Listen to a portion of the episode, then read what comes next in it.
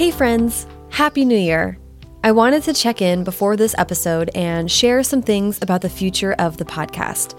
Don't worry, it's nothing drastic. When I started First Draft way back in 2014, it was mostly about sitting down with other young adult novelists to learn from them, be inspired by their stories, and spur interesting conversations. I'm proud to say that I think the show has done that. Then, last year, something fun happened. I got to talk to folks who were telling stories in different ways. Newbery Award winning illustrator Dan Santat, creator of Avatar The Last Airbender Michael DiMartino, associate director of events programming for the LA Times Festival of Books Maret Orliss, and owners of the first brick and mortar romance bookstore in the US, Bea and Leah Koch, among others. I really loved taking a lateral step from purely prose writers to learning about other forms of storytelling and exploring the nuts and bolts work done by people who support and enable creators too. So now it's 2019, the year when First Draft turns five, and I think it's time to freshen up. I'm going to expand the type of creators I interview on the show to bring some surprising and unusual points of view into this ongoing conversation. I hope you'll give those episodes a try and that you find them inspiring. Oh, and speaking of freshening up, stay tuned for brand new theme music composed by the incredible Dan Bailey. Last but not least, this year also marks five years of putting out an episode nearly every week, ad free. I love this project and am so excited about the future of First Draft. Subscribing, leaving reviews on iTunes, and signing up for my newsletter are all awesome things that you can and should do to help the show reach a wider audience. But I'll be honest, I could use some help supporting the podcast financially too. If you have found First Draft to be valuable, you can donate on a one time or recurring basis to help with the cost of producing and releasing the show. Find the link to donate on firstdraftpod.com or in the First Draft newsletter or in the bio on Instagram. I tried to make it pretty accessible. Absolutely everything helps. Okay, pardon the delay in this episode. Thank you for your patience, and thank you, thank you, thank you for listening.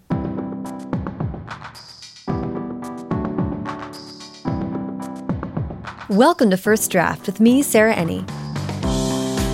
Today I'm talking to Melissa Albert, New York Times bestselling author of The Hazel Wood, as well as editor of the Barnes & Noble teen blog and managing editor of BN.com. Melissa is a brilliant interviewer in her own right, as you can hear on the B&N YA podcast. So I was really excited to meet up at her Brooklyn apartment to pick her brain about being an author and a book advocate, her recent shift into motherhood, and of course, the hinterlands. So please sit back, relax, and enjoy the conversation. So, hi, Melissa, how are you? Hi, Sarah. It's nice to meet you. It's so lovely to meet you. Thank you for having me over to your lovely home. So, on First Draft, I like to go all the way back to the beginning and ask where were you born and raised? I was born outside of Chicago and then raised in Chicago proper for a few years until we moved to the suburbs where I grew up. Um, mm -hmm. I grew up about an hour north of the city. Mm -hmm. And I lived in like a really nice little suburban town with a brother and my two parents. Yay. So, how was growing up, how was reading and writing a part of your life? Oh, wow. Yeah. So I started the first writing I ever did, my mom likes to talk about. I would like bring her a notebook and have her like be my like Vera Nabokov, I tell her. So I would just dictate stories to her. And they were, I think what had happened was I went to a really traumatizing petting zoo because the stories are about like goats and peacocks chasing me. oh my god! Through the woods. So you know the deep dark woods, and yeah, they all ended with going home to my mom, which was you know my safe spot. So sweet. I was a very shy, bookish child. Mm -hmm. I definitely lived like in in books and in my mind, like so many writers can say that. Mm -hmm. um, so that was the beginning of my writing, and then I wrote a lot of bad poetry. I wrote a lot, a lot of stories about mermaids and fairies. Ooh, so always drawn to fantasy, kind of the yeah definitely. Genre stuff. Genre stuff. Big worlds. Mm -hmm. Choose your own adventure novels. Oh, yeah. I wrote some of those, which are a lot of fun to look back at now. And I read everything I could get my hands on. So definitely my parents had a really kind of odd, diverse library that I would read from. And then they took me to the library every week, the bookmobile. Mm. Um, I always had like a very small budget for the Scholastic Book Fair, Yeah. which was the most exciting day of the year. I adored the Babysitters Club. I read. I read a lot of adult stuff too. Like I read Lolita at a very early age, like very early. I read Hollywood Babylon. I read Walker Percy. Just any anything I could find. But um, what I really loved was things like Narnia Chronicles were my favorite. Hitchhiker's Guide to the Galaxy. Um, I loved Ellen Kushner's Thomas the Rhymer was a big one for me. Um, Wise Child, which some of these I like name check in the Hazel Wood because it was my first novel, and I was like, I'm gonna just stuff this full of secret book recommendations as much as I can. Amazing. Yeah, That's so portal stuff, fantasy stuff. It was Yeah. Mm. always Peter Pan was my favorite, favorite, favorite. And it's funny for whatever reason, I never, I never bought it with my babysitting money or asked for it. I just got it from the library like three times a year.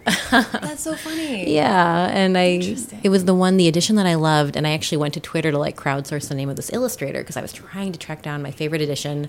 All I could remember was that the illustrator had three names, Mm-hmm. and it's Trina Shart Hyman is the name of the illustrator. I wish I had. Maybe it's in my house and I could show you, but her illustrations are so awesome. Uh, so that was my favorite edition, and I've now tracked it down, and that is one of the best books. It's like darker and weirder and more fantastical than I think some people who might imagine from having just seen the things that it inspired, like uh, the Disney movie, for instance, animated one. I mean, I actually love the live action one. That's that's pretty great. But um, Hook. Hook, Hook is great. I love Hook. Yeah. Yeah. So yeah, a lot of fantasy, a A lot, lot of fantasy. I mean, I'm like rabbit holing here. I'm like, No, what I more can I recommend to you? yes, no, you know, you know, I've read all these. I, and actually, we do show notes too, so I'll link to, to all the books, which is great. And also, from reading interviews that you've done about the Hazel Wood, it seems like you sort of effortlessly had this backlog of fairy tale knowledge that you sort of had been reading all this. I read that yeah, I'd say, I yeah, kind of like just things that I already loved, so it was kind of in mind. Sure, yeah. Because I read that you didn't necessarily research fairy tales. You were just kind of pulling on stuff that you Oh already, yeah, I'd say so. Yeah. yeah, which is very cool. But now I am working on further books, Mm-hmm. um, one being a follow up and one being the Tales from the Hinterland. So I have a massive reading list for the Tales from the Hinterland because I'm, I'm you know, I, I took on a couple of fairy tales to write for the book, but now Mm-hmm. I'm writing all of them. So I'm reading like, oh gosh, I'm reading um, Charles de Lint, some people recommended. Mm-hmm. I'm reading Helen Oyeyemi. I'm reading Philip Pullman's Grimm Brothers translation. I'm reading. Oh, Roshani Chokshi has like a trio of novellas coming out in the fall. I'm reading those. It's- It's just so exciting. Like all of the story collections that I'm reading, I have this massive, massive list of short stories um, and fairy tales that I'm excited to read. Oh, Carmen Maria Machado's Her Body and Other Parties is so inspiring. Um, just anything kind of, oh, Kelly Link, of course. Anything kind of like that's fairy tales or fairy tale adjacent. Leigh Bardugo's Language of Thorns is like an obvious, a gimme. I've got to Yeah, reread that one. Uh, uh, Ransom Riggs came out with the Yes, Tales from the Peculiar, right? definitely. So that will involve more. I, I, I just want to be inspired and like kind of immerse myself in, in Yeah. Mm-hmm. maybe tale tropes that I've forgotten or like see what other people have done to reignite them. So that's going to definitely be more specifically guided reading. Okay, that's awesome. The okay, so I actually wasn't able to find too much personal bio information for you online. So I'm I'm Oh, that's I'm- so good to hear. yeah, I know you're probably that's probably refreshing for you. No, it's it's like- actually it's the Flannery O'Connor thing. There's this great O'Connor quote that I always want to say, but I can never remember what it is or find it, where she talks about like I'm not interesting, like it's on the page, you know, like there's you know she's That's so her stories are the interesting thing. So Well, I would argue with that, but she was very smart. That so I actually would just love for you to guide me from from school and studying to being founding editor of B&N. Yeah. uh, the B&N blog. I actually have Of no idea. B&N at large. No, just kidding. That would be a well kept secret. Yeah, so I grew up in the suburbs. I ended up going to school in U of Iowa for a couple of years because I thought I wanted to be a writer. And then I was like, you know what? I actually I don't want to live in a small town and I don't want to be a novelist. I want to be a journalist. So I moved to Chicago and I did some beat reporting and arts writing there. I did mostly theater and books coverage for Time Out Chicago and some like arts profile stuff. And I did some beat reporting for the Chicago Journal. And I worked for Encyclopedia Britannica as first a copy editor and then a research editor, uh, which is a lot of fun. It was, I mean, I got a kick out. I, I love the people. I, I met some great friends there, and I, I got a kick out of working for like such an institution, right? Yeah. And then Yeah. from there, I freelanced for Spark Life, which was uh, is an arm of Barnes and Noble. It's like their SparkNotes kind of culture site. Oh, interesting. Yeah, so I freelanced for them, and through that relationship, I kind of jumped over into the B&N world, Mm-hmm. and I moved here for a job at the Brooklyn Museum. So I was a web editor for the Brooklyn Museum, which is so awesome because on my lunch Yeah. Oh break, I could go walk around exhibits, and I loved that. And my favorite was the period rooms because you can like pretend you're peeking in someone's windows, which is, I guess, you know, a voyeuristic writer Oh, I was thing gonna say to do. very that, that makes voyeurism okay. it's curated. Um, exactly. and then I, from there, was briefly in advertising. So I worked as a copywriter at a really nice, like a cool boutique shop in Bushwick, briefly. And then I got the offer from Barnes and Noble to go full time, which I'd been at that point freelancing for them for about three years.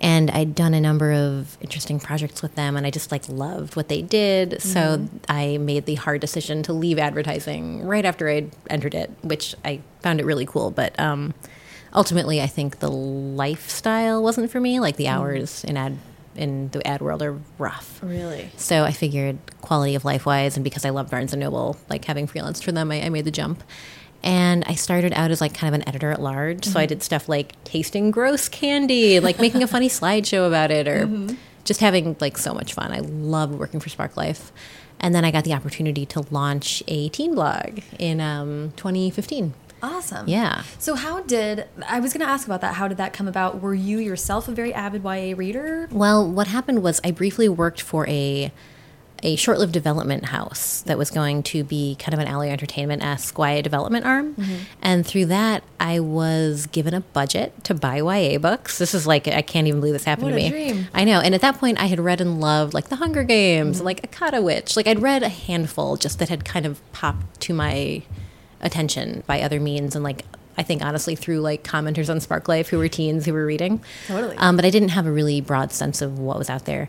So this is around 2010, I think. I started reading YA broadly, and I just kind of like went to the YA section of Barnes and Noble and went crazy, and it was amazing. And I think the earliest books uh, that I found in YA were Eleanor and Park, Feed by M.T. Anderson, and Daughter of Smoke and Bone. And I was like, oh my God, like Those nobody told me. Nobody told me. I hadn't since Francesca Lia Block, like, Mm. Fallen heavily for YA, aside from The Hunger Games, which I was obsessed with when I discovered it. So that was kind of how I became a YA reader. And up to that point, it's so funny. I had had this early love for genre. Mm-hmm. And then as an adult, I kind of, maybe starting in college, went through this like literary fiction snobbery phase where I denied myself the pleasures of genre fiction. Like I wasn't even reading that much fantasy. I can't even believe it was like wild. it's yeah, it's it's crazy to remember. It's not all that I I mean I did read some, just not as not as heavily as I do now or as I did when I was younger. Yeah. Uh, so now I read loads and loads of whatever I want. You know, mostly YA, some adult, maybe like 30 70 split, Mm-hmm. 20 80 perhaps. I'll say 30 70. It's and funny how reading goes through phases like that. oh yeah. And it's very, it's totally fine, you know. And then you have this backlog of adult lit, which is wonderful. Mm-hmm. Yeah. But it is funny. That's a, that's something I hear from many people that it's like once you so once something sort of clicks and you're like, oh, maybe I should just read whatever I want. Yes. That's that leads a lot of people back to YA. Well, I told my husband the other day, I was like, oh, if only, like, because I, I read um, broadly, but I read some stuff for fun. I read some stuff because I know that I might end up reviewing it. And usually mm-hmm. that's stuff that I'll love anyway. But I was like, I just wish I could, like, ignoring release dates, read mm-hmm. whatever I wanted all the time. And he's like, because you're that kind of person, like, that's why you have the job you have. Like, That's true. yeah, if I didn't love reading so much, I would have some other job and get to read whatever I want, but then I'd play Candy Crush instead. So it like That's if true. I wasn't the person I am who's like books.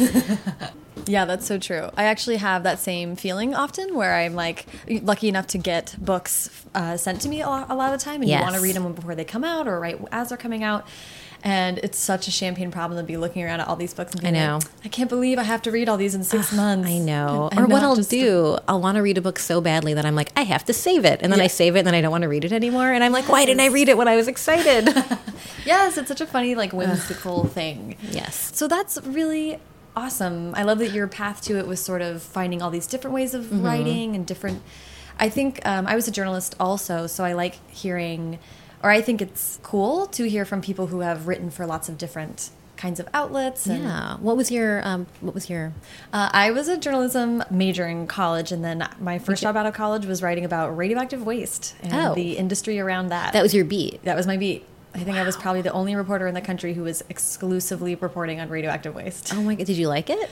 It was really interesting. That's I awesome. learned a lot. Yeah. And eventually, after four years, I was like, I don't, I can't talk about this anymore. Okay, you're like radioactive waste is. I've gotten to the bottom of it. Yeah, Yeah. yeah, It was like it seems like an intractable problem that isn't going to change. Okay. uh, I'm out. And then I wrote about legal issues for a while. Okay. uh, and now I'm doing this full time, which is cool. That's awesome. Yeah, but you know, then like finding ways to make radioactive waste interesting was actually like a very cool narrative challenge. Mm-hmm. Oh, absolutely. Yeah. Yeah. no, you've. It's easy now to make people seem interesting, right? Yeah, You've exactly. If, if you can make me as interesting as radioactive waste, I'll be happy. that is that's I'm gonna put that on a post-it in my, in my office. So I love that you got the chance from B&N to sort of like develop this world. It's also interesting to me. I just this as a quick side, you get sort of tasked with being the editor of this new blog. How did you think about that? That's such a fun challenge, but you have to establish a tone and decide what kinds of mm-hmm. things you're going to cover. How did you think about that? I think what I thought about was like, okay, so it was kind of a nice two part thing. Basically, I'm a professional fan of books and I am a mm-hmm. professional friend to readers. Like, I'm not, my job is not to be like, this book's good, but this book's not. Right. That's not what I'm about. I'm about being like, here are the books that are out there, mm-hmm. and here is why every single one of them is going to find like readers who are going to be so excited about it. Totally. So I'm on the side of the readers and I'm on the side of the writers, and it's a beautiful thing. Like, I can just kind of revel in the positivity of book Well, like, loving. like a bookseller, it's the matchmaking. Yes, that's a great way to put it. A critical well, that's review. Kind of the the killer thing we wanted to do was mimic that bookseller experience. Mm-hmm. So be like, this is how people talk about books in the stores, and like we want to talk about them in a similarly like inclusive, excited way online. Mm-hmm. So it was kind of my job to understand about myself what I love Mm-hmm. and locate people who love the stuff that I don't read as deeply. Mm-hmm. Uh, so like building a team that can like my right hand woman is Dahlia Adler, who's Oh, also yeah. a YA author. And um, the editor of an upcoming anthology I'm so excited about. It's called His Hideous Heart. Have you heard of this? Yes. It's like a new Flatiron Poe inspired yeah, anthology. Dahlia's like everywhere all the time. Yeah, Dahlia's doing amazing. stuff. Um, but she is like the contemporary loving heart to my fantasy loving heart. And we Mm-hmm. both have tons of crossover, obviously. Like we love, she loves some fantasy, I love some contemporary. But like that right there kind of helps cover off on a big segment of YA that I don't read as deeply Mm-hmm. as she does. And then just filling out my team with wonderful people who read broadly and intelligently and Yeah. and keeping my ear to the ground Kind and that like Venn diagram. Yes. like Olympic rings. yeah, exactly. That's, That's a really good way to put it. So that was that was my main thing, and it just feels good putting book positivity out into the world. Like Yeah. it really does. And it's it's a funny thing now that I'm an author. I can see I, I have a new perspective on like negativity. Like I personally try to not read my own reviews because Yeah. it's not my place. Yeah. It's like a private space for readers to talk about what they love and what they don't and like it's not my business. Mm-hmm. So it's nice to be like, "Oh, but it's it's cool that I happen to kind of work every day within an ecosystem that is just about loving books." Mm. Yeah. So it's like a it's like a nice place to go to. Yeah. Oh, you know, the other thing that uh, I read an interview with you where you mentioned that prior to writing The Hazel Wood, you had done some work for hire writing Yes. um, of books. I'd love to hear about that. Yeah, so that came out of, as I said, I briefly worked with this development thing. Right. And the woman who headed it up, this really smart woman, uh, ended up inviting me to try out for writing a book for Working Partners, which is a London based development house. So I did, and I got that project, and I got a detailed plot from them, and I wrote to the plot under a pen name. Mm-hmm. And it was fun and fantastic. And it's like this I tell people it's like getting paid to do an MFA because while I didn't obviously get to exercise my my skills in plotting, I was able to work on like character and plot and scene mm-hmm. setting and and, and dialogue, not plot, sorry, dialog uh, mm-hmm. rather. It, it just was such a great way to get my feet wet with writing, and it's a great way to write a book that is you're like figuring out what you sound like with a lot of other cooks in the kitchen. So Mm-hmm. you're not like this is my first book world. It's it's like practice. Yeah. And a lot of people are there to clean up your mistakes because it's really it doesn't feel like a thing that you've authored on your own. It's very much a co-done thing. Yeah, which is fun to have a collaborative process. Yeah. To sort of get your feet wet and Exactly. Mm-hmm. get a sense of who you are as a writer.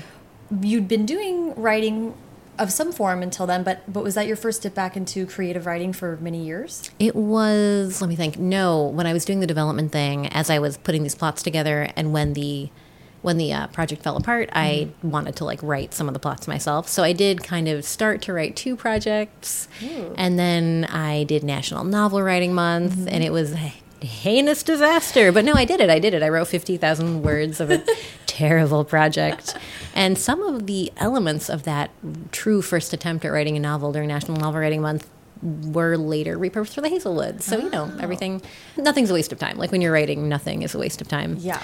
yeah, and I ended up with Development Houses. I wrote ultimately four projects in all, three with Working Partners, one with Alloy, and then in oh, I forget what year it was, but there was a point when I was like, well, this has like been so fantastic, but I think I've gotten to the end of what I could learn hmm. from kind of working on someone else's IP. Yeah. and I was like, I'm going to take a step back and try to actually write my debut. Yeah, so, and that was Well, Hazel Wood. And then I have I have a question about the difference in that process. But Mm-hmm. before we get too far into details of the Hazel Wood, I'd love for you to pitch the book for us so we know what it's about. Oof. I know That's so hard. Okay. so it is about a girl named Alice who has lived this kind of itinerant life with her mother. They're always moving from town to town, and everywhere they go, they're kind of haunted by these strange, uncanny bad luck occurrences. And she just attributes it to bad luck. But she has a grandmother who she's never met, and her grandmother is the author of a book of dark fairy tales. It's like a cult novel. It's impossible to find, it's out of print. Alice has this kind of distant fascination with her, but her mother is has always been adamant that they will never meet her. They will never go back to the Hazel Wood, which is her estate, and their life is always like looking forward. And then her mother, her grandmother dies uh, soon after her mother goes missing, and she kind of has to reckon with the fact that not only is her grandmother's legacy going to kind of haunt her life until she figures out what it is and why. But the world in which her grandmother's stories are set is a very real place, and it's out to get her, Yeah. essentially. I love that. Um, I got the chance to read it, and it's amazing. Oh, thank Um, you. I loved it so much. So I have I have more detailed questions, but first I also read that you uh, don't outline I don't. for your own personal projects, and that's so different from the experience of writing very structured kind of group novels, for lack of a better word, uh, the work for hire projects. So I'd love to hear how you came to that process. Why did you decide to go about it so differently? I think it's because when I wrote the novels for hire, they were plotted out by someone else, but I didn't know what the plots were and I didn't read them ahead. Oh. So every day I would kind of just cut and paste like the synopsis of a chapter into my Word doc, and then I would paragraph by paragraph of that synopsis right forward. So I didn't know what was going to happen next uh, until I read it. So And you were I, keeping yourself. I was keeping myself in the dark. On Yeah, yeah, yeah. like you were almost like the reader yeah, while you were the kind writer. of, kind of, yeah. That's so cool. And I just I find with plotting that it eliminates the opportunity for happy accidents, which some people who plot their happy accidents are found between the lines of their plot, and like a lot of people work that way amazingly well. But for me, I just I guess the entire engine of the plot is reliant on those happy accidents, which maybe is a dangerous way to way to live now that I'm on deadline. But so far, so good. We'll see. We'll see how That's many so corners I write myself into. But yeah, it just it's that it's that maintaining your own excitement and interest and Yeah. um, maintaining the possibility for like that narrative, like oh damn that thing type yeah, type, the, type. the yeah. chance to surprise yourself. Yeah. those are sort of like the joyous writing moments. Yes. like, oh, it was there the whole time. Yes, yes. Uh, yeah, I, I love that. Have you read? There's this great. I think it's in the Guardian. It's, it's in a British paper. I think the Guardian. Uh, George Saunders talks about what a writer does, and it's he this beautiful essay about.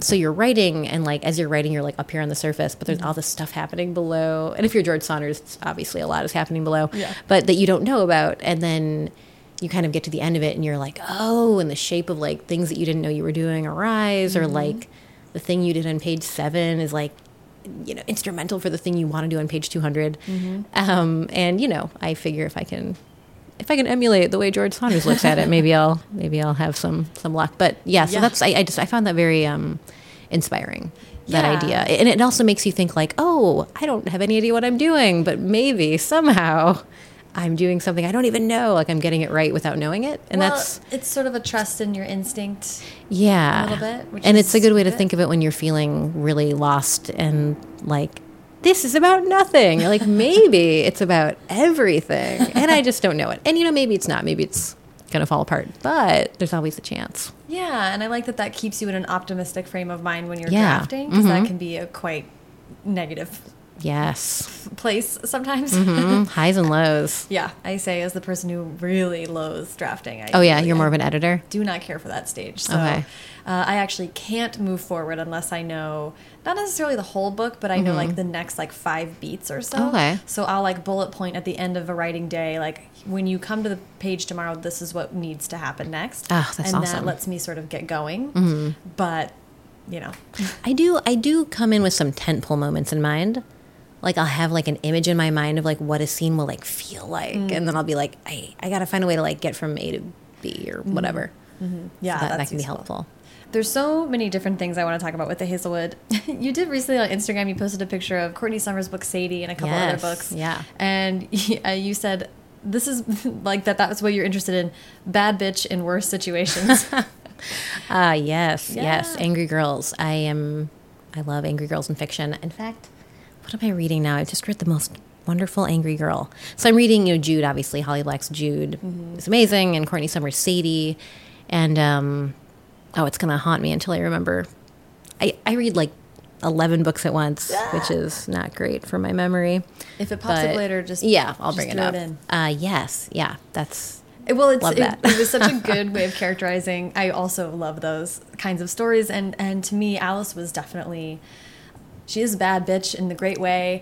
She's also we learn a lot about her as we go that explains some of this, but she's an angry young woman because of Alice is raised in a kind of a nomadic way because uh, she and her mom are, are fleeing from forces that she kind of doesn't really understand and having to uproot her life uh, sometimes every other week has I just felt like it was so realistic to say that she would have some unresolved anger about that.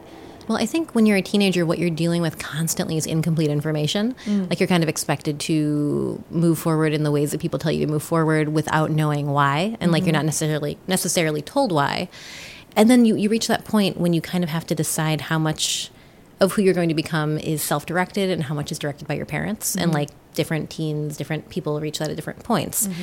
and make different decisions. And kind of giving alice this really intense supernatural legacy is obviously like a big blown up version of that mm-hmm. you know? Like it's it's a it's a different lens through which to kind of look at that decision that everyone has to make Yeah. so there's a lot to be angry about when you're young, but especially in Alice's case, there's just those built in.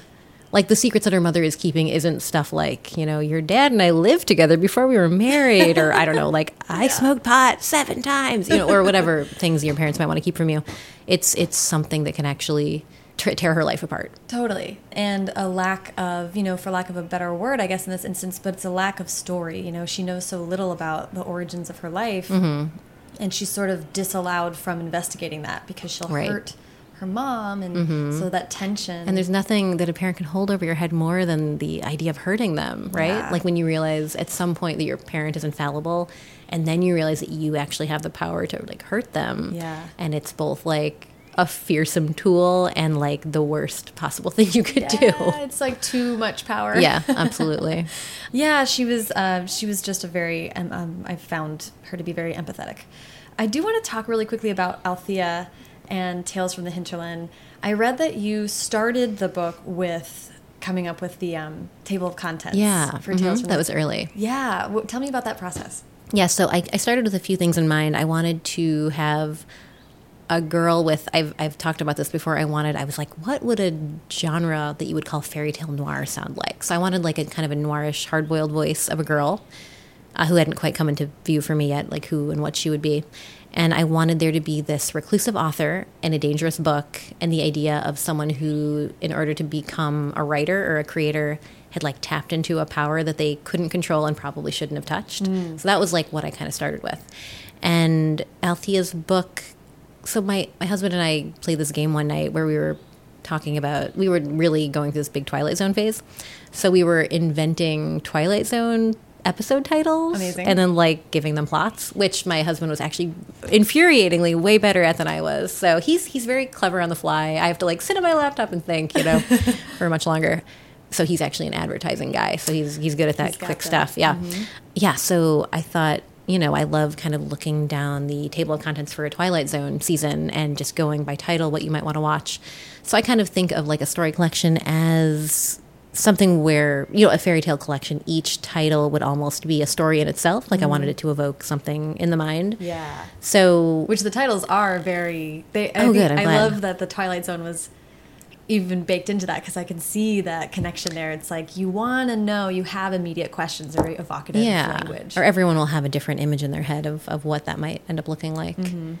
That's so a lot of and there's also like a, lot of room between the lines you know Mm-hmm. of going from a title I love saying dangerous book. That's uh, such a cool phrase. And of course, we all know that books can be dangerous or are perceived as dangerous often, uh, hence censorship and uh, the power of information. I wanted to talk about uh, that your background is in, in journalism at all is interesting to me because, and I hope this isn't a spoiler, but we find that Althea has sort of, as a writer, those were her roots as well. Yes. She felt that she was a She was a- reporter. yes she was like a fluffy women's magazine reporter or writer who was like no i'm, I'm more than this and that kind of was And uh, was looking for the origin that thing of, of her of her tale yeah Yeah, and was looking to tap into that Mm-hmm. power and make a mark in her own way.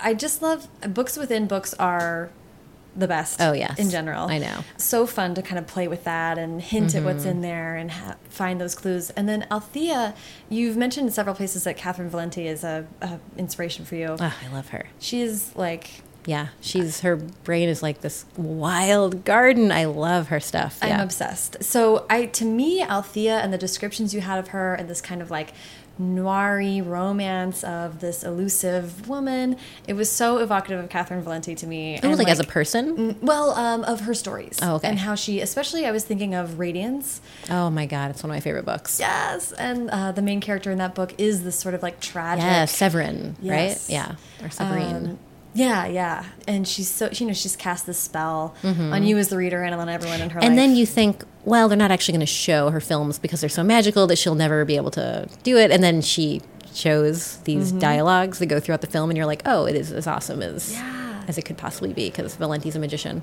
I know she's she's amazing. So, uh, but to me, that was like that's sort of how I thought of Althea. I was so interested in her. She sort of is on the page, but isn't.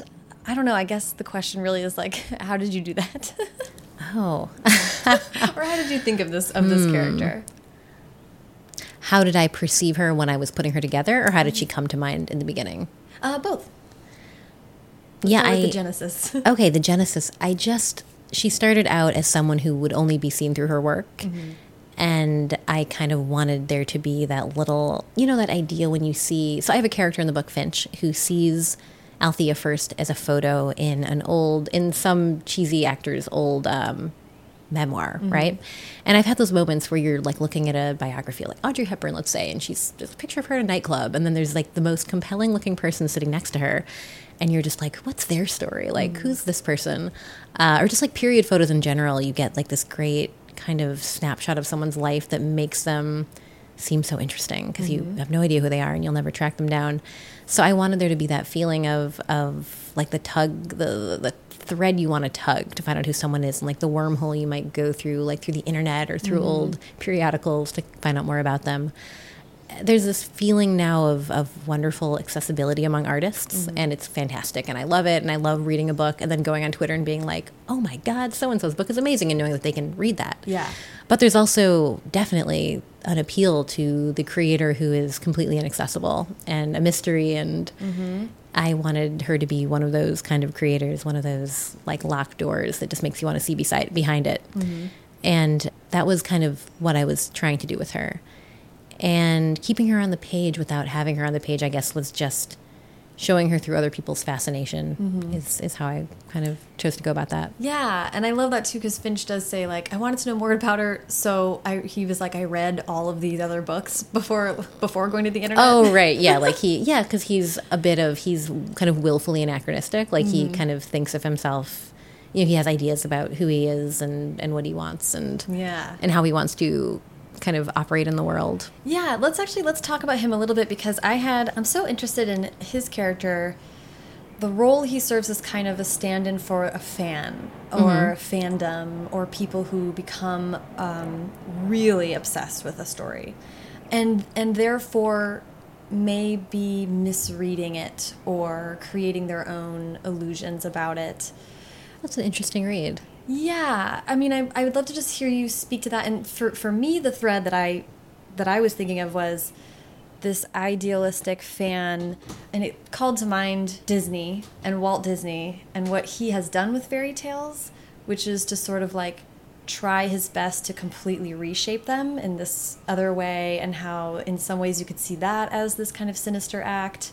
I don't know. So I'm putting a lot on there. Yeah. but I'd love to hear what you think about that. So, in your mind, what Disney does is kind of sinister because he reshapes it to look He's sort of neuters shiny, the neutered. story. Yes, that's a good way to. Yeah. And then like him wanting to build this utopian world. I mean, to me, That's he's a very very creepy. character. Yes, yes, yeah. The pursuit of perfection is terrifying. Obviously, it's not. It's not a good thing. Mm-hmm. Uh, yeah. So, in this, in the beginning with Finch, what I wanted to make clear always was that he and Alice had two stories that began before they met each other, Mm-hmm. intersected for a time, and would continue on after they were apart. Interesting. So I, I wanted, and I kind of have her check that on the page, like she's conscious of that, but like forgetting it a little bit, allowing herself to be lulled is what gets her. One of the many things that gets her into trouble. So I just I needed there to be the sense that like he was the hero of his own story, just as she was the hero of hers, and that mm-hmm. was important. And I kind of wanted to have a feeling for the kind of person he might be who would having suffered a great loss pour himself into books and look for things in them that may or may not have been there but that he needed to find like he needed to find them somewhere Yeah. and because of the way he was grasping and what he reached for in a time of need it like kind of became part of his dna Yeah, his desperation. And I guess maybe that's why I'm thinking of fan because to because there's a line between and I think this is especially true with young people who are shaping and forming their own world. That when you find oh something you like grow around something yes yeah like say a Harry Potter like I, Mm-hmm. I have always said that if I if I was had been under 11 years old when I'd read Harry Potter Oh my God. I wouldn't wish that on my worst enemy. I would have lost my mind. I just would have been devastated. That you didn't get your letter? Yeah.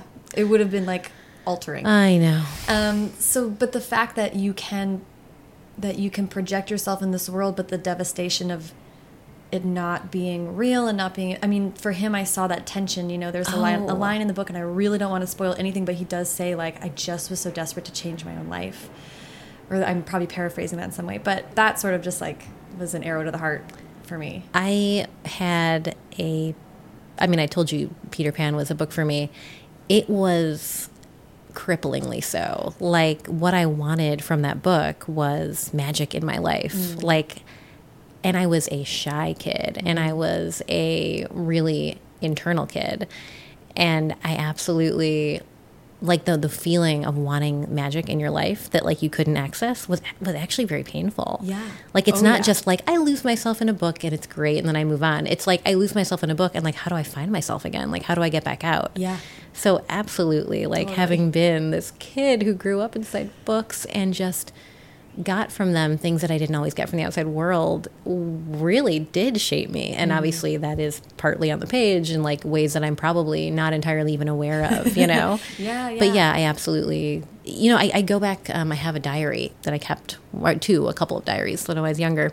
And rereading them, I thought would be like so funny, you know. And at first it was kind of funny, but I just, first I was laughing, then I was laughing and crying, and then I was just crying because I was like, my need, like my naked desire for, you know, all the things people long for, desire, like like like acceptance and love and and whatever. It's just so naked on the page. Mm-hmm. Like I was a raw nerve, as everyone is. Like you just don't have pretenses when you're younger. Like Well, you you, build have- them up over time. Yeah. You don't have coping strategies. You don't have, you haven't put any armor on Exactly. whatsoever. Yeah.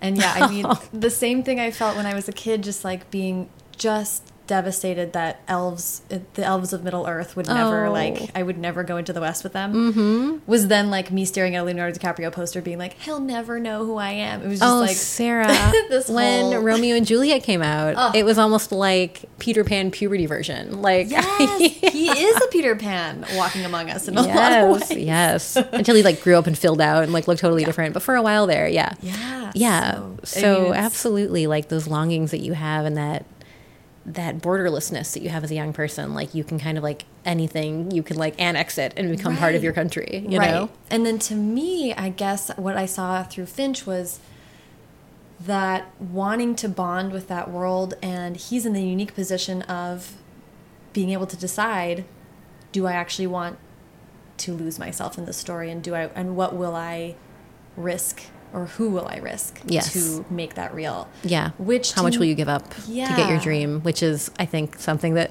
so many books. It's like one of those core themes that you kind of light upon, whether you mean to or not, as a writer. Mm-hmm. Yeah. Anyway, obviously, I felt a lot of affinity for him, and I thought his character was fascinating. Then I also want to talk. You, you mentioned fairy tale noir, Mm-hmm. uh, which I think is such a cool way of thinking about it, and very like once you once you hear it, you're like, oh yeah, yeah, yeah, yeah. Right. Having, you know, as I like to believe, coined it. I'm sure. I'm like, I gotta Google it though, because there's got to be like other people who are doing. No, just claim it. Like, yeah, okay, it's mine. It's mine. Yeah. So I was listening to an interview with you, and you were talking about the fairy tale noir, and then also like the hints of sort of horror genre, mm-hmm. like literary horror that's that are kind of in there. And you've described yourself as kind of a scaredy cat. Totally. But the but the tales from the hinterland are dark AF. They're like definitely have there's no much like the original fairy tales. There's no shortage of murderous vengeance mm-hmm. and really dark retribution and you know all kinds of terrifying things. Then you also said in that interview that you that writing is a way to learn that you have ideas that you haven't like crystallized yet. So it seemed to me that you were Oh. like I'm I'm a scaredy cat, but then in this world you sort of really let yourself. I've been thinking about this because, like, as I said, I'm working on my second book now, Mm-hmm. and I'm really, really lost in the trees, and like I can't step back and see the forest. Like, Oh, interesting. And that idiom keeps coming to mind. So that's kind of what it was. I wrote the Hazel Wood, and I was just like tree by tree, leaf by leaf, like writing this book and like getting really close, and Mm-hmm. and then stepping back and being like, what is it about though? Like, is it about anything? Interesting. And then you read it over and you shape and you edit it, and other people read it and they speak to you about it. And like, it's kind of like the thing that you've written, other people can help you discover what it's actually about. Mm-hmm. So at this point, I've been able to kind of shape a narrative of what it's about in my mind. And it's, it's part of it is like surprising to me, and part of it is like, oh, of course I would write about that. Like being who I am and baking in the books that I've baked in, like that would mm-hmm. that would be a thing. And some of it's like a lovely, like, oh, I didn't I didn't know that's something that I that I had in mind and you know mm-hmm. and some of it's like that's awesome that you think that's what I was doing. I'm going to claim that. I had no no intention and no idea but like it sounds great. But the scary stuff I think what I I, I would never myself try to do pure horror. Mm-hmm. Uh, I think what I love to do is the uncanny. So mm-hmm. there's like a moment there's a moment in the book and I feel like I can't remember if it's a moment in a dream or a moment in the plot. I haven't reread it since it, you know before it came out because Right. I read it so many times. Yeah, yeah, yeah. I've since taken a break, but there's that feeling of walking to your house and knowing someone's just been there and you don't know why. Mm. So it's like that feeling of a recently empty room, and it's just that creeping sensation. And Mm. it's kind of like the way that I talk about the bad luck too. It's it's just these uncanny wrong things. It's Mm. that car that follows you a little too long on the road. It's Mm-hmm. that person who looks at you on the bus like they know you and instead of brushing it off, you're like what could that story be? Like Right. do we know each you know, just it's it's those it's those feelings of of things operating under the like top of the world. Right. You know? I, I love that in fiction and I, I think about it, you know, as a person navigating the world and wondering. Yeah, which is interesting to me. That is like calling to mind Twilight Zone again.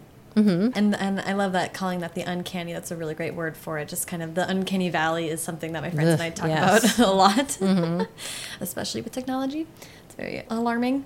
Okay, so let's talk about the next project. To me, it was sort of like a well, obviously she has to write the tales from the hinterland. like that makes sense that you are moving on to that. Was it obvious to you? No, not at all. I so I, I wrote the book and I think my husband or my agent or someone was like, you know, people will want to read the tales. And I'm like, well, I think the idea of writing original fairy tales is something that I wouldn't want to do because it kind of feels like writing the Bible. It just feels like you're writing this foundational literature.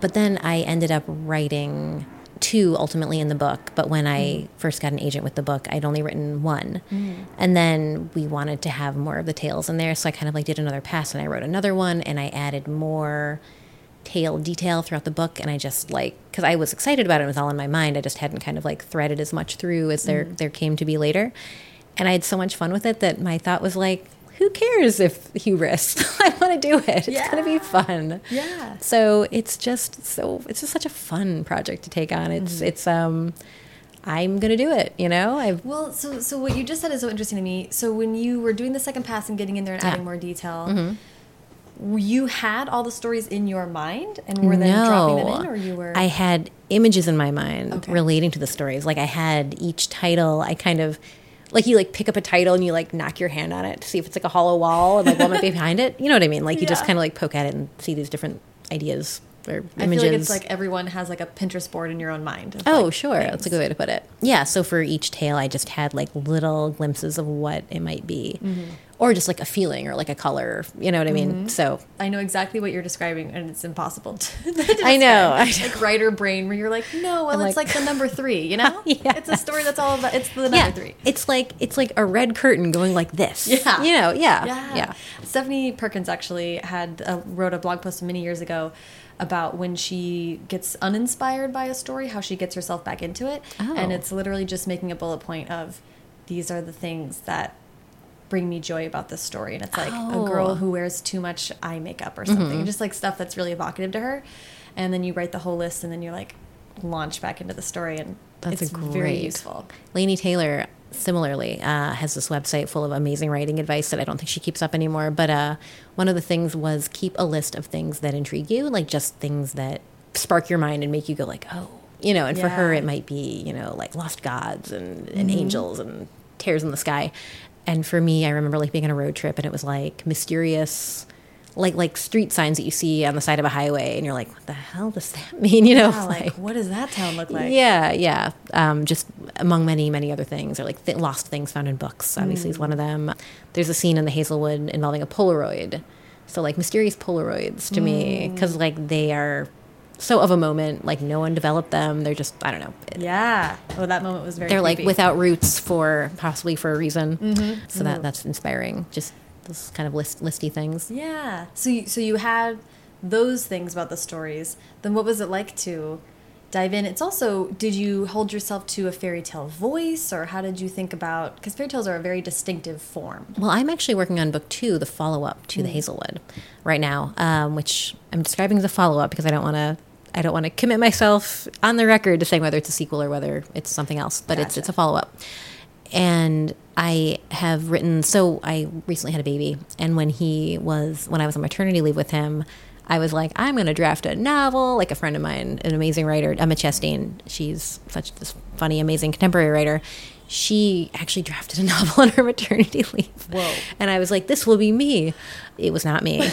yeah, narrator voice. She did not do it. I what I did though was I wrote one short story and I wrote it and I rewrote it and I rewrote it and I rewrote it and that ended up that's like so that was I was working on the Hinterland Tales before he was born, and then during my maternity leave mm-hmm. because my brain was capable of writing short stories at that time, and I just knew that if I tried to dig into something full length, half of my mind would always be thinking about somebody else mm. being my son mm -hmm. and i just couldn't be in a world i was like i can't actually go through the looking glass right now because like i have a baby yeah. so i had to have one foot in the real world and therefore i could only like it's like spelunking like i just had like i was like a really short rope to like go yeah away from him and yeah. so a short story was perfect so that's when i was working on the tales more intensely mm -hmm. like before his birth and right after but since then, I've put that aside to work on because I actually have my I have my mind back, Congrats. and I can thank you, I, thank you. I can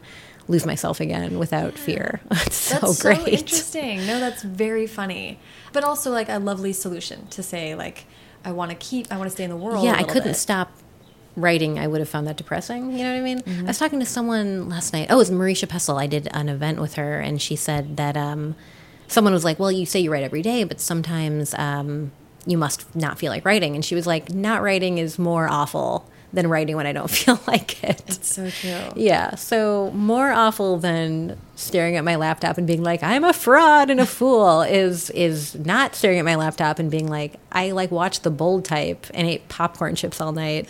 What have I done? Like I should have been writing. Yeah, so I would rather Yeah. be mindful when I give myself a night off instead of just like slump into a night off and feel down about it. Yeah, yeah, absolutely. I think that's I I concur. that's cool though. You gave yourself a little bit more of the like a slice of the world before then returning to Hazel Wood universe Yeah. for this follow up. Well, after I sold book one, I went on a wonderful writing retreat with some writing friends of mine, and it was right before the election. And we're all like, ha ha ha, we're about to have our first female president. You know, let's drink to that and write in this nice house and have fun.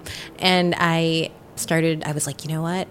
I just sold this book. I don't know what it's going to do. I don't know if anyone's going to want this, but I kind of have these ideas for like mm-hmm. what a book two might look like. I'm just going to use this time to start writing a little bit of that. So I like took some plot notes about like what it might shape into, and I just wrote like I don't know, five thousand words or whatever it was. Mm-hmm. Wrote some words, and then I think like so many creative people have this, and then the election happened, and then on the other side of that, you just feel like however your headspace has changed, it has changed.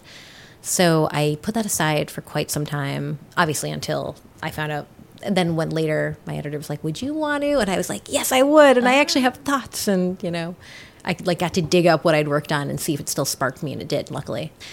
But yeah, I, I just got out of that world altogether and, and worked on other things entirely. Interesting. Yeah, I do agree with you that we, um, or at least a lot of uh, my, me and my friends had that moment. Mm-hmm. It was a, a moment to reflect on what you are putting into the world and how you want to do that, Yeah, and what your soul can handle and what it needs. And how much Twitter should I really be consuming on Yeah. a, daily basis. Yeah. The answer is I can take a lot, but I shouldn't.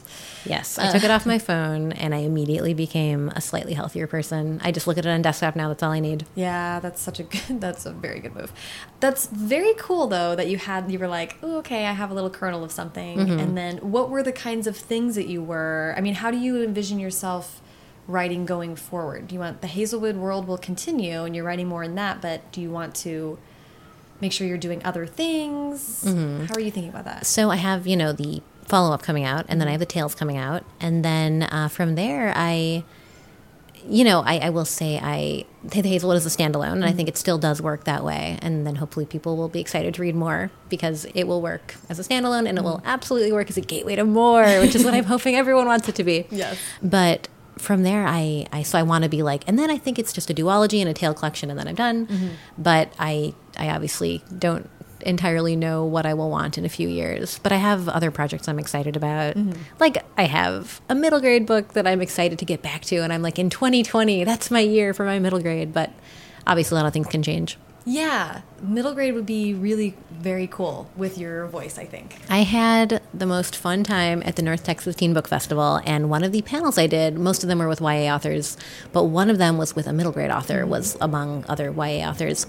And it was the most funny, fun, amazing thing ever because it wasn't, um, you know, teenagers and adults only. It was also some kids who were 12, 11, 10, maybe even younger. And so it's like time for questions. And instead of people like raising their hand and asking like a nice, it's just like sh- arms, like a sea of arms and kids yelling, What's your Hogwarts house? I'm a Gryffindor. My best friend Slytherin. You know? So it was just Yes. like, oh my God. I already have a middle grade in process that I want to get back to one day. But like the idea of getting to write for these young people who are like, yeah, it's just, it's just such a fun thing because I, I think about who I was then and what I needed, and mm-hmm. then like how kids show their passion in such amazing ways. Well, that's that raw nerve quality that you're talking about. yes, They're and it really doesn't- just present. It doesn't go away as you get older. It just like changes, and it, you know, I mean, by the time you're a teen, it's it's still happening. Yeah. Maybe by the time you're an adult, you're a little bit, you know, you should have a sheath by Yeah, then. it's, it's hidden a little, yeah, protected a little. yeah, protected a little more. but um, that was, I was like, oh yeah, like how amazing to see readers. Eh, Same thing with seeing teenage readers, like Mm-hmm. at these events. It's so awesome. It's just like oh, right, this is why. This is why, though. You know. yeah, and also like, ooh, I really want to be. This is maybe a very egotistical way of thinking about it, but it's like knowing who I was at that age and how desperate I was for stuff to build my inner world. You Yes. Know? Yeah. And just thinking like, ooh, something that I could come up with could help shape your imagination. What a dream. It's the idea. It's the idea of it maybe being possible that like the books that I'm writing for teenagers, and they're resolutely like I'm excited for people to think that they're crossover, but mm-hmm. like.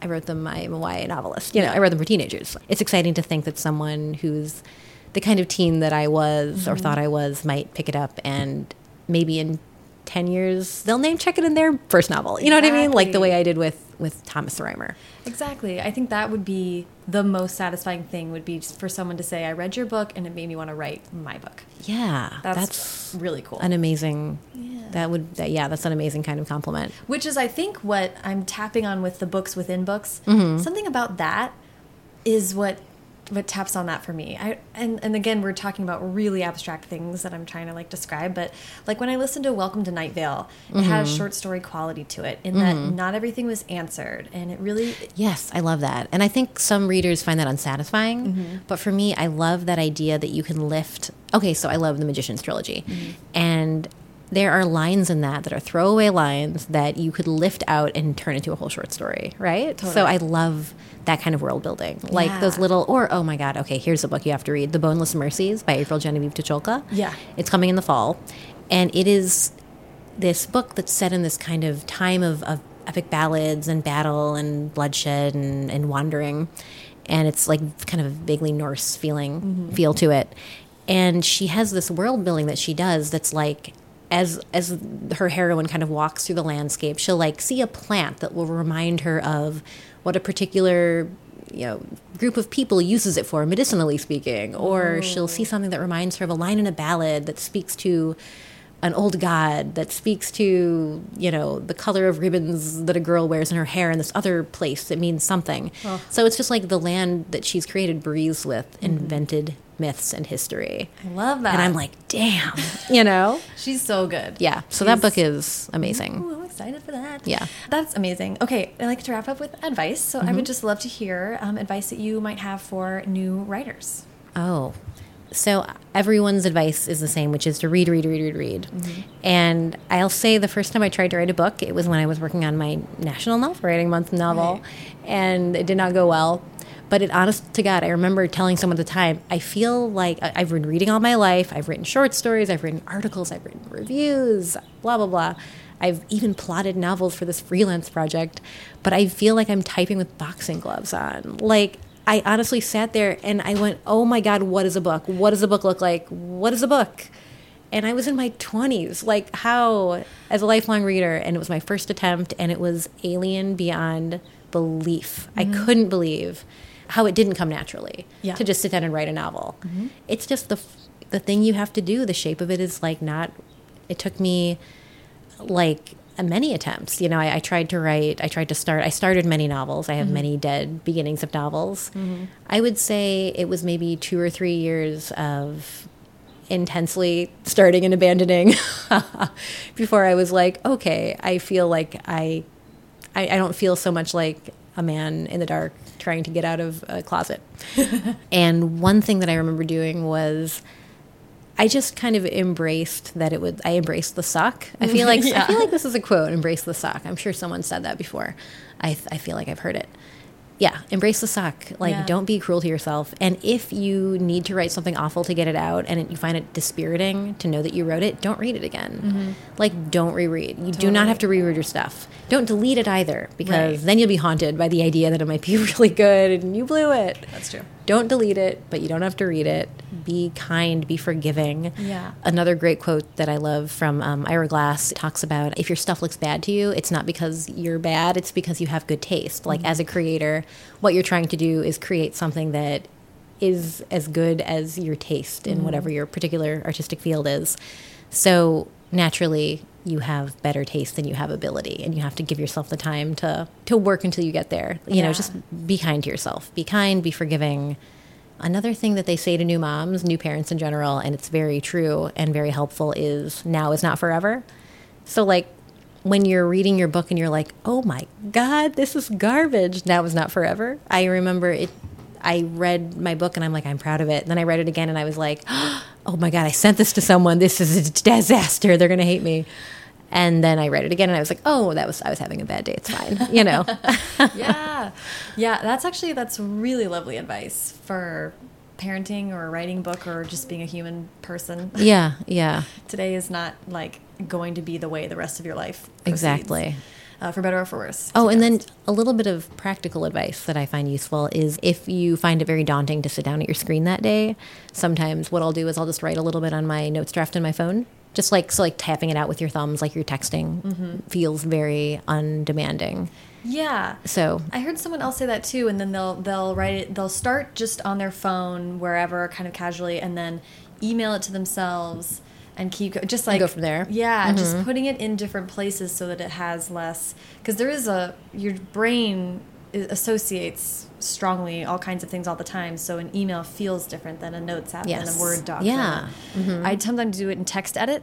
I write book reviews in my email drafts. For some reason, that's like the only place I do it. That's so funny. Yeah. it just feels right.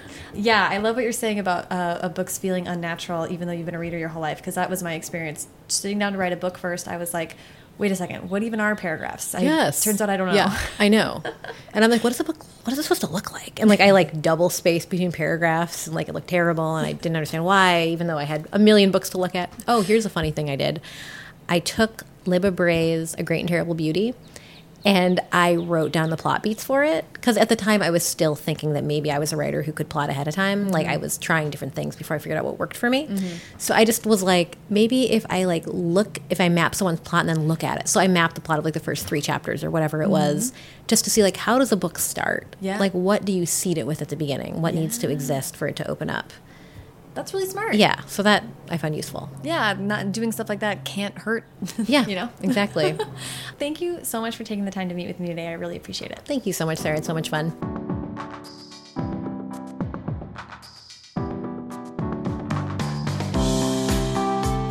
Thank you so much to Melissa. Follow her on Twitter at Mimi underscore Albert and Instagram at Melissa Albert Author and follow me on both at Sarah Enni and the show at First Draft Pod. There are links to everything Melissa and I talked about in this episode in the show notes. To find the show notes, go to firstdraftpod.com, scroll down just a little bit, click on her episode, voila, hours of internet browsing await you. We went over all this at the top, but one more time for the back. Go to firstdraftpod.com to sign up for my newsletter Go subscribe to the podcast on Apple Podcasts or wherever you listen, and leave a rating or review on iTunes. And check out the website for a link where you can donate to support First Draft. Haley Hirschman produced this episode. The theme music is by Dan Bailey, and the logo was designed by Colin Keith. Thanks to super intern Carter Elwood and transcriptionist at large Julie Anderson. And as ever, thanks to you, characters in books and books, for listening.